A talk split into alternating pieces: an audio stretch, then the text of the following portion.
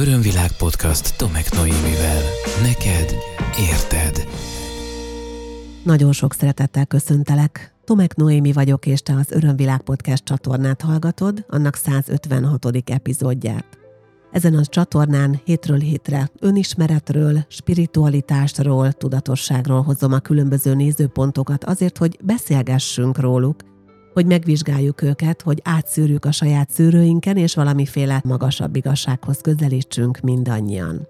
Köszönöm, hogy itt vagy velem, és hogy értő figyelmedet adod a mai témához, amely a kifogásokról szól.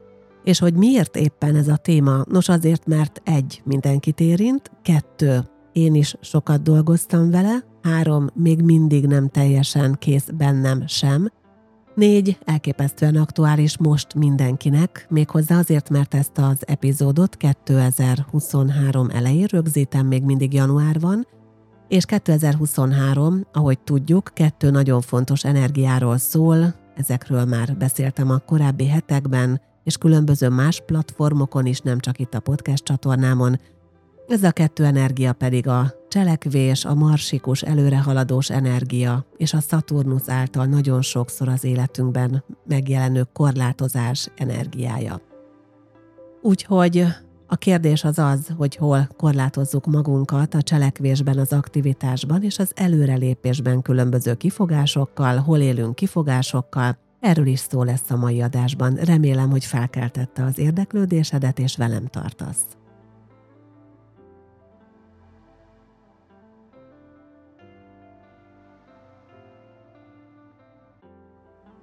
Kérlek kezdetnek hangolódjunk rá együtt a témára, a szokásos módon, tehát ha megteheted, akkor állj meg az aktuális tevékenységedben, ha megteheted, akkor most csak magadra figyelj, és ha megteheted, akkor hunyd is le a szemeidet. Én pedig felteszem a kérdéseket neked, amelyek segítik ezzel a témával kapcsolatosan a saját nézőpontjaidat, élményeidet, esetlegesen traumáidat is a felszínre hozni, épp csak annyira, hogy rájuk láss, hogy tudj velük egy kicsit dolgozni. Kérlek, elsőként abba érez bele, hogy mi az, amit folyamatosan elkerülsz, elodázol azzal, hogy csodálatos kifogásod van rá.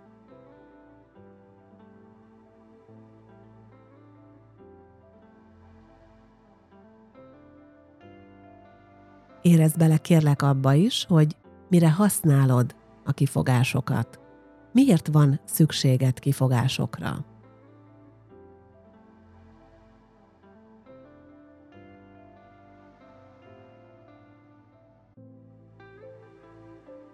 Van olyan kifogásod, amit mindig elő szoktál húzni? Amit mindig előrántasz akkor, amikor kell egy jó indok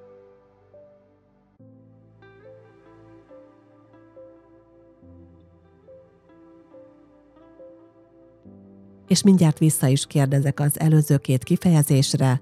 Számodra van-e különbség, és ha igen, akkor mi a különbség számodra az indok és a kifogás között?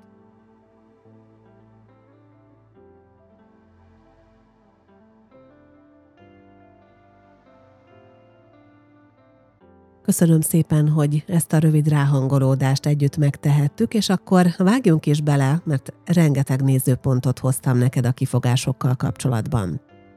Tudom, hogy ez a téma már több ízben, több korábbi epizódban is szóba került, azonban most olyan nézőpontok jönnek, amelyeket még nem vizsgáltunk át együtt. Jim Rohn, író és motivációs előadó azt mondta egyszer, hogy ha valamit igazán el akarsz érni, akkor találsz rá módot, ha nem, akkor pedig találsz rá kifogást. És én ezt aláírom, és osztom, és mondom, mert a kifogás az ugye nem ugyanaz, mint az indok, nem véletlen szólt az imént erre vonatkozóan hozzád egy kérdés. De kezdjük valahol az elején. Hol tanuljuk meg azt, hogy kifogásokat gyártsunk? Mi az, ami rávesz bennünket arra, hogy elkezdjünk kifogásokat gyártani? Nos, talán nem fogsz meglepődni azon, hogy ez is gyerekkorra nyúlik vissza. És van két nagyon fontos oszlopa annak, ilyen tartó oszlopa annak, hogy valaki elkezd kifogásokat gyártani. Az egyik az az, hogy ezt látja otthon, hogy kifogásokat kell gyártani. Lehet, hogy eltanulja a nagyobb testvérétől, de az is lehet, hogy a szüleitől látja, és ez a gyakoribb egyébként, hogy a szüleitől látja azt, hogy kifogások vannak. A nekünk miért nem lehet, ez most miért nem lehetséges, vagy egymás közötti kommunikációban az egyik fél, jelesül általában inkább az anya, sorolja azokat a kifogásokat, és mentegetőzik a kifogásaink keresztül, amik meg tudják őt kímélni attól, hogy esetleg a másik fél jelesül többnyire az apa haragját, vagy neheztelését, vagy dühét ki tudja kerülni. Nagyon jellemző az, hogy a szülők vitatkoznak, veszekednek, egymáson számon kérnek, hol voltál, mit csináltál, miért nincs még készen az ebéd, miért nem csináltad meg ezt, miért nem javítottad meg azt, miért nem raktál rendet itt, és akkor az nem elég, hogy azért nem, mert fájt a fejem, azért nem, mert fáradt voltam és ledöltem, azért nem, mert más csináltam, hanem sokkal alaposabban körbe kell, hogy bástyázzák a saját válaszukat azért, hogy az a másik fél számára elfogadható legyen, és ilyenkor elindul a kifogásgyártás, és a gyerek megtanulja. Ez tehát az egyik nagyon fontos tartó pillére, oszlopa annak, hogy rájövünk arra már gyerekkorban, hogy nekünk igenis tudni kell kifogásokat gyártani. A másik az az, amikor nagyon erős korlátozói szülői háttér van, és ez egy nagyon-nagyon jellemző attitűd egyébként, nagyon erős a számonkérés a gyerek felé a szülőtől, tehát nem egymáson kérik számon a szülők a dolgokat, hanem a gyereken kérik számon a szülők a dolgokat. Nagyon erős korlátozásban van a gyerek, és azért, hogy ne érezze magát rosszul, egyrészt kifelé elkezdi megmagyarázni az idézőjeles bizonyítványát, másrészt pedig magának befelé elkezd kifogásokat és különböző indokokat és különböző nézőpontokat gyártani arra, hogy ezt vagy azt neki miért nem lehet. Az, hogy a kifogásgyártás már gyermekkorban elindul, nem feltétlen rossz dolog. Mint mindenből ebből is tanulunk, mint mindenen keresztül, ezen keresztül is képességeket fejlesztünk. Tehát például, amikor valaki nagyon cizelláltan és nagyon sokrétűen megtanul gyerekkorban kifogásokat sorolni a szülőnek az ő számon kérő kérdéseire, akkor ez felnőtt korra például oda tud fejlődni, hogy nagyon jó lesz az érvelési technikája. Vagy például a szókincse ezen keresztül gazdagodhat, mert nagyon sokféle választ és különböző hangulatú és különböző érzésvilágú válaszokat tud előkészíteni egy-egy kérdésre. Úgyhogy van ennek is nyeresége. Én azt mondom, ha most magadra ismertél ebben a helyzetben, akkor érdemes egy nagyon konzekvens, határozott döntést hozni arról, hogy akkor ezen túl a nagyon szép és cizellált és rétegelt és árnyalt beszédemet nem abból fogom táplálni energiával, és a fejlődésemet nem azon keresztül fogom támogatni etéren, hogy kifogásokat kell gyártsak valaki felé, hanem azon keresztül, hogy újabb és újabb szavakat, újabb és újabb hangulatokat fedezek fel az örömteréből. Szóval ott vagyunk gyerekkorban, amikor a magyarázkodás és a számonkérés energiája megjelenik, és ezen keresztül a kifogásgyár elkezdi gyártani a termékeit, amiket aztán felnőtt korra akár ilyen csúcs termékekké is tudunk, ahogy szoktam volt mondani, fejleszteni és növeszteni. Nagyon fontos az, hogy bizonyos kifejezéseket ne keverjünk össze egymással. A kifogás nem egyenlő azzal, hogy indok, és az indok nem egyenlő azzal, hogy kibúvó, és ez nem egyenlő azzal, hogy magyarázat. Ez négy különböző kifejezés. A kifogás, az indok, a kibúvó és a magyarázat különböző kifejezések. Fontos, hogy ezeket tudatosítsd magadban. A kifogás egyébként megjelenhet egyrészt úgy, mint magyarázat, másrészt úgy, mint valaminek az elkerülése. Most először ahogy így a gyerekkorra visszautaltam, és arra, hogy a kifogásokat hol kezdjük el gyártani, inkább a magyarázat részéhez kapcsolódtunk a kifogás kifejezésnek és annak az energiájának, amikor valamilyen dolog kapcsán be akarjuk bizonyítani, hogy de ez itt teljesen oké okay volt, és megmagyarázzuk, vagy kimagyarázzuk, ugye itt kapcsolódnak ezek a kifejezések a kifogáshoz. A másik verzió pedig az, amikor a kifogásokat elkerülésre használjuk, valaminek az elkerülésére. És a kérdés az, hogy például te, amikor gyártod a saját kifogásaidat, akkor mit akarsz elkerülni? Ilyen válaszokat kaphatsz, akár, hogy feszültséget tudsz ezáltal csökkenteni, védeni tudod magad, és el tudod kerülni mások ítéletét, a megbántódásokat, vagy azt, hogy bűntudatod ébredjen fel, mert meg kell magyarázzad magadnak is a kifogásokon keresztül, hogy miért az történt, ami történt, és az elkerülése valami vágyott dolognak is megvalósulhat egyébként a kifogásokon keresztül, vagy szimplán azért kell a kifogás, mert nem tudok nemet mondani. De mik lehetnek a leggyakoribb kifogások? Én a mai adásba a három legfőbb kifogást hoztam el neked, és ezeket egyesével, hogyha van kedved, akkor beszéljük át és gondoljuk át. Mielőtt ezeket megmutatom neked, szeretnék rávilágítani egy olyan fontos információra, amelyről lehet, hogy már szó volt egyébként korábbi adásokban, de biztos, hogy előadásomban már erről beszéltem. Az agykutatók szerint az emberi agy fejlődése afelé halad, ami jelenleg a magasan funkcionáló autisták, például az Asperger-szindrómások agyára jellemző. Mi jellemző az ő viselkedésükre?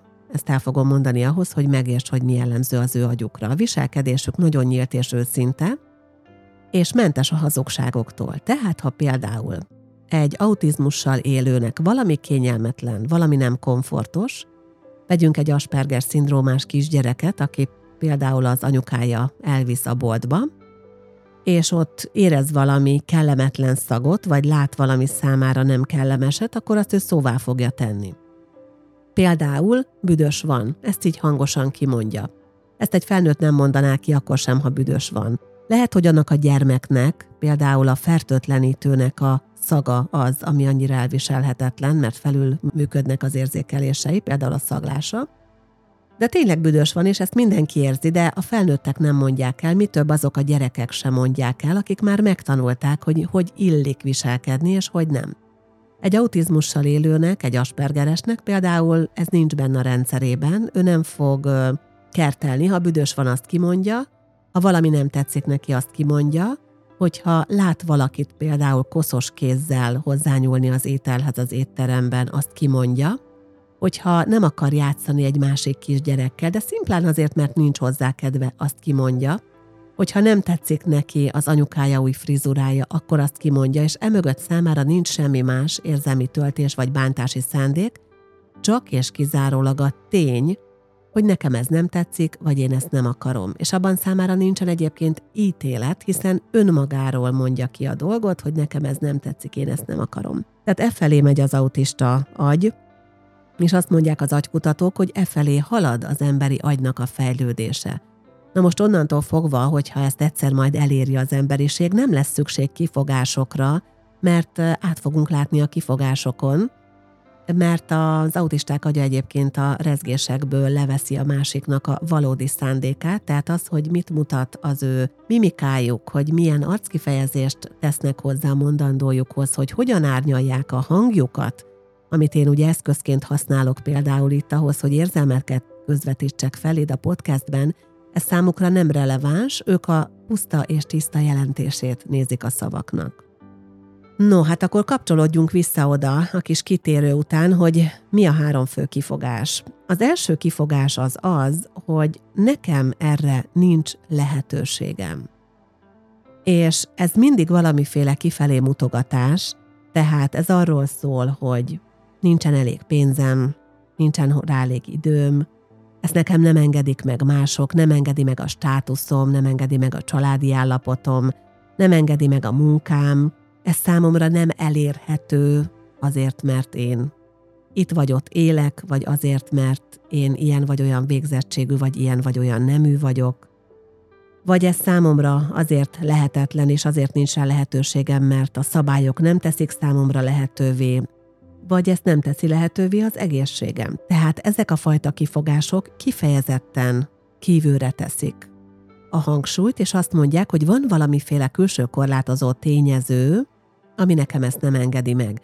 Remélem, hogyha követed a, a podcasteket és az eseményeket, akkor pontosan érted, hogy ennek most miért van nagyon fontos jelentősége. Nos, azért, mert ebben a Szaturnuszi időszakban amikor megéljük azt, hogy kívülről korlátozva vagyunk, akkor ezek azok a témák, amivel érdemes foglalkoznunk. Tehát ez egy kifelé mutogatás, a körülményekre mutogatás. Én azért nem tudom megtenni azt, hogy képezzem magam, mert nincs rá pénzem.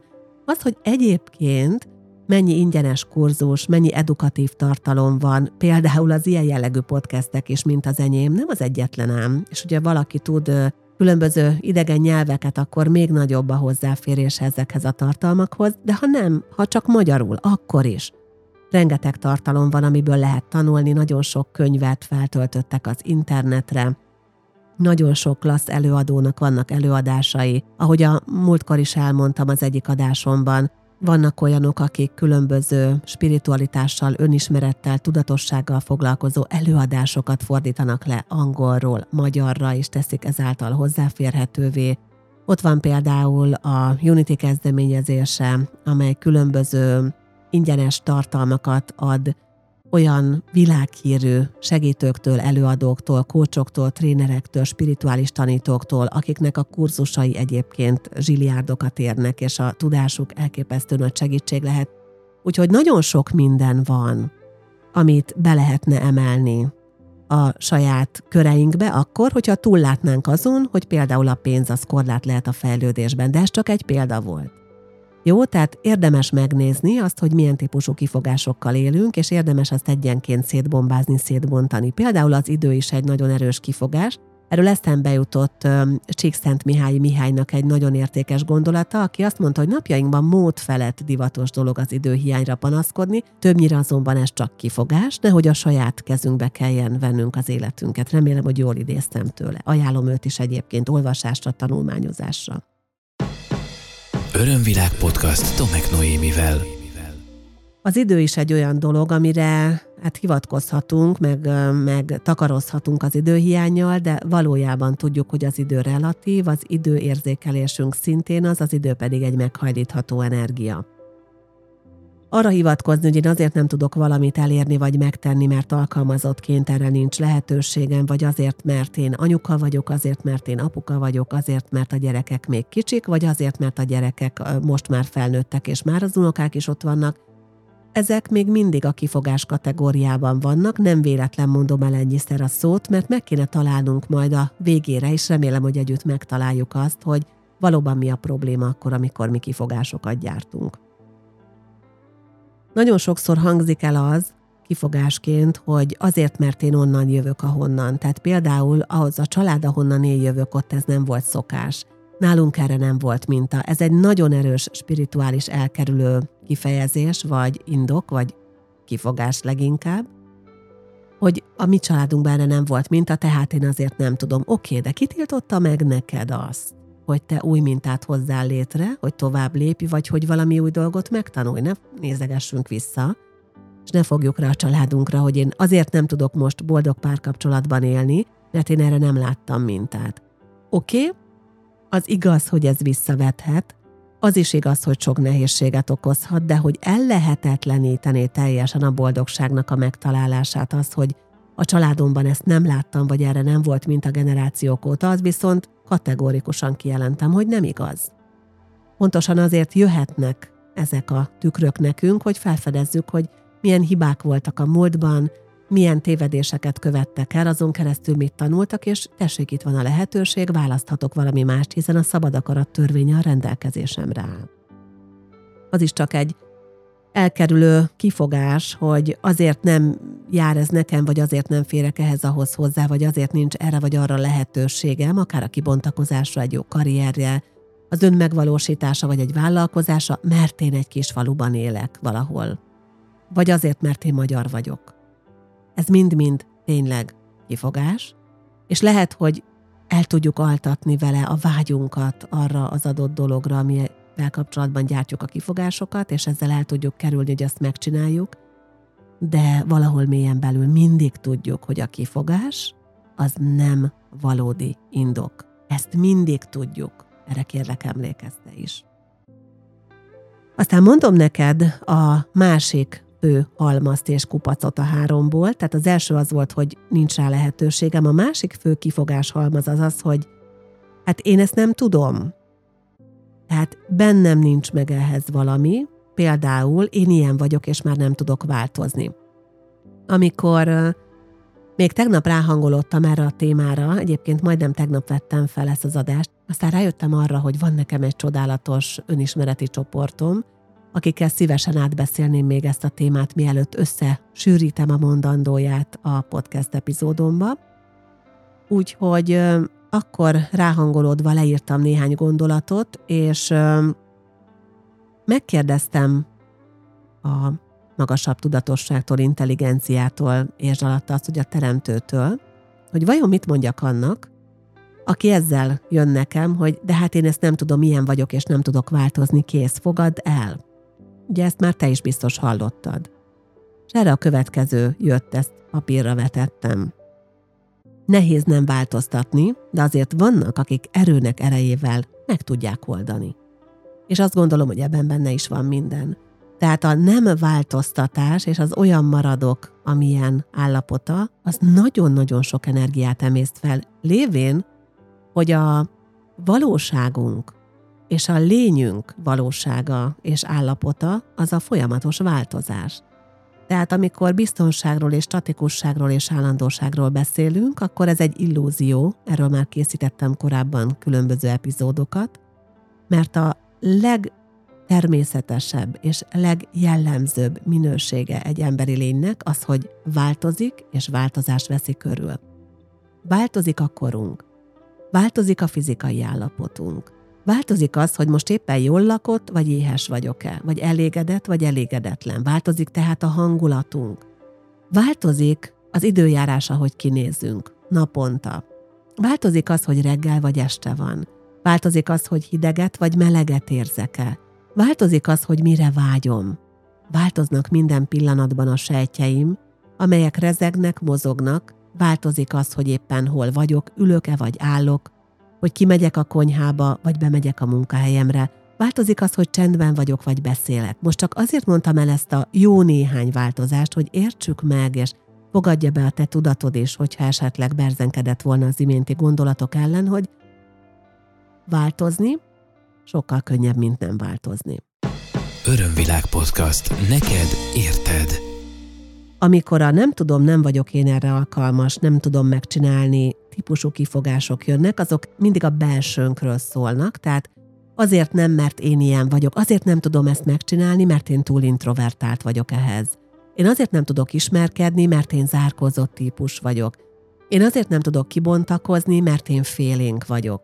Én azért nem tudok egy jó üzletet létrehozni, mert én nem merem megmutatni magam. És a különböző ilyen kifogások még sorolhatók nagyjából a végtelenségig. És aztán jön az összehasonlítás a következő lépésben ilyenkor, ez nagyon jellemző, hogy bezzeg XY, aki sokkal bátrabb típus, aki sokkal extrovertáltabb, aki sokkal magamutogatóbb, aki sokkal határozottabb, aki sokkal kevésbé zárkózott, mint én, na neki van rá lehetőség, és neki azért, mert ő más, mint én. És ebben a relációban gyakorlatilag el is lehetetlenítettem azt, hogy én képessé váljak valamire, kész van a kifogás, és ezzel gyakorlatilag úgy érzem, hogy megindokoltam, hogy én miért nem, vagy miért nem fogom, vagy miért nem csináltam azt, amire egyébként vágynék, vagy amilyen lehetőség mások előtt ott van, de hát ugye előttem nem. És van még egy harmadik nagy kupac, a kettőt azért visszaidézem, nincs rá lehetőségem, kifelé mutogatás, én ilyen vagyok, én nem tudom, befelé mutogatás. A harmadik pedig az, hogy ennek nincs itt az ideje. Hú, lehet, hogy ismered. Lehet, hogy ismered? Én ezt szeretném, én ezt fogom, de nincs itt az ideje. Tehát még nincs itt az ideje, ehhez még túl korai az idő, ehhez még ez kell, meg az kell, és akkor felsorolunk rengeteg feltételt, és kész a kifogás, hogy miért nem csinálom még. A másik, én erről már lekéstem. Azért nincs itt az ideje, mert már letelt az ideje, én már nem vállalhatok gyereket, mert már túl idős vagyok, 40-en túl. Én már soha nem fogok férhez menni, mert 35 éves kor felett ez már nem történik meg. Én már soha nem fogok a karrieremben magasabbra lépni, mert mindenki, akit valaha a cégnél előléptettek, fiatalabb volt nálam. Én már lekéstem erről, én már lekéstem arról. És hogyha összeveted ezt a hármat, és megnézed azt, hogy egyébként mi van e mögött a három dolog mögött? Amikor kifelé mutogatunk, amikor azt mondjuk, hogy én alkalmatlan vagyok erre, vagy amikor azt mondjuk, hogy ennek még nincs az ideje itt, vagy már nincs az ideje itt, akkor mit csinálunk? Akkor az a helyzet, hogy van valami, van valami nagyon erős félelem a háttérben. Egy félelem. Ez a félelem, ami a legerősebb, az pedig a kudarctól való félelem.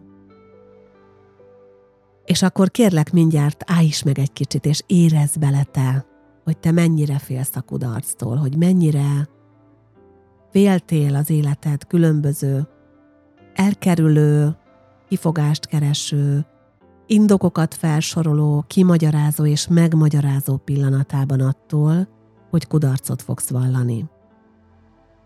Mert ez az az óriási energia, ami mindezt tartja. Tehát, hogyha szeretnél megszabadulni a kifogásaitól, akkor nézd rá arra, hogy valójában mitől félsz, és neked mit jelent a kudarc. Tehát amikor a te energiádban, a te teredben megjelenik a kudarctól való félelem, és ezért mindenféle kifogásokat kezdesz el gyártani, akkor mi lenne az, ami számodra kudarcot jelenteni, amit el akarsz igazán kerülni ezzel az egész hajcihővel, amit ilyen csodálatosan, műgonddal építgetsz és építettél fel magadban. A kudarctól való félelem tényleg nagyon erős az emberekben, és mindenkinek mást jelent a kudarc. Van, akinek az lehetne a kudarc, hogy nem tudom tökéletesen megcsinálni, van, akinek az lehetne a kudarc, hogy nem fogják szeretni azt, amit csinálok. Lehet, hogy valakinek az a kudarc, hogy én ugyan szeretem, de a környezetem ezt nem fogadja el, például a családom. Lehet, hogy valakinek az a kudarc, hogy nem tudom olyan gyorsan megcsinálni, mint ahogy szeretném vagy vágyom rá, és akkor inkább nem is csinálom meg. Mi kell ahhoz, hogy ne féljünk a kudarctól? Hát hit abban, hogy képesek vagyunk rá.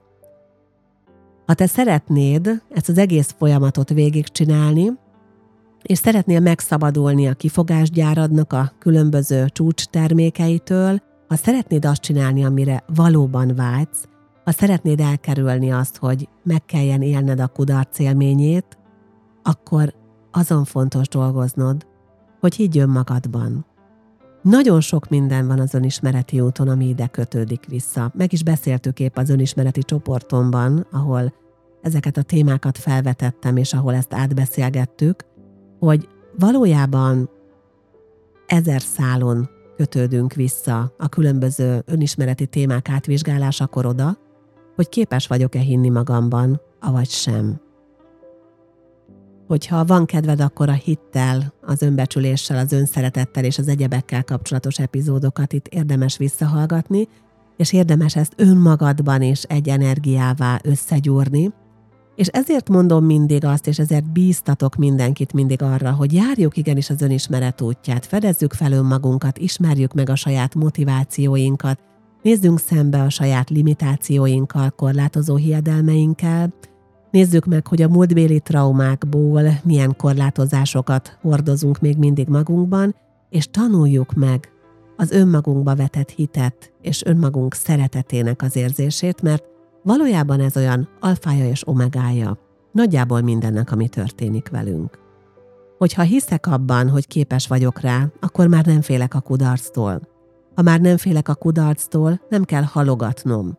Ha nem kell halogatnom, akár neki is állhatok. Ha nekiállok, akkor meg fogom tudni csinálni. És ha meg tudom csinálni, akkor jön az öröm, a siker, a kiteljesedés, a boldogság, az elégedettség érzése. Ez pedig újra megerősíti a hitemet. Ez a pozitív mókuskerék, amit neked is javaslok, és remélem, hogyha eddig egy negatív spirálban mozogtál ezzel a témával kapcsolatban, akkor most látod, hogy van ennek egy pozitív verziója is, és képes vagy ezt választani. Kívánom neked, hogy ez megérkezzen az életedbe. Köszönöm szépen, hogy meghallgattál. Köszönöm, hogy beszélgethettem veled a kifogásokról, és hogyha nincs több kifogásod az ellen, hogy elhagyd a kifogásaidat, akkor hajrá, én drukkolok neked. Remélem, hogy jövő héten is velem tartasz majd, amikor hozok egy újabb, érdekes, izgalmas és megfontolandó témát neked. Addig további témákat szeretnél átgondolni, átbeszélni velem, akkor kérlek látogass el honlapomra www.örömvilág.hu-ra, ahol megtaláld az összes podcast epizódot, de megtalálsz mindent a YouTube csatornámon is, amit ér követni, ahol ér kommentelni is, és megköszönöm azt is, ha különböző social média felületeimre ellátogatsz, akár az Instára, akár pedig a Facebook oldalamra, ahol napi szinten többször teszek közé tartalmakat, és ha szeretnél velem fejlődni, arra is van lehetőséged nem csak a podcasteken keresztül, hanem különböző tanfolyamokon, meditációkon, workshopokon, elvonulásokon és spirituális utazásokon. Erről mindent megtalálsz honlapomon, a menek címe még egyszer mondom www.örömvilág.hu, és azt is megköszönöm, ha visszajelzést adsz valamilyen formában, vagy témát javasolsz. E-mail címem, ahol fel tudod venni velem a kapcsolatot, podcastkukacörömvilág.hu. Nagyon sok szeretettel ölellek. Ez volt az Örömvilág podcast Tomek Noémivel. Hétről hétre új témák, érdekes nézőpontok a tudatosság útján járóknak. www.örömvilág.hu Témát ajánlanál? Podcastkukac örömvilág.hu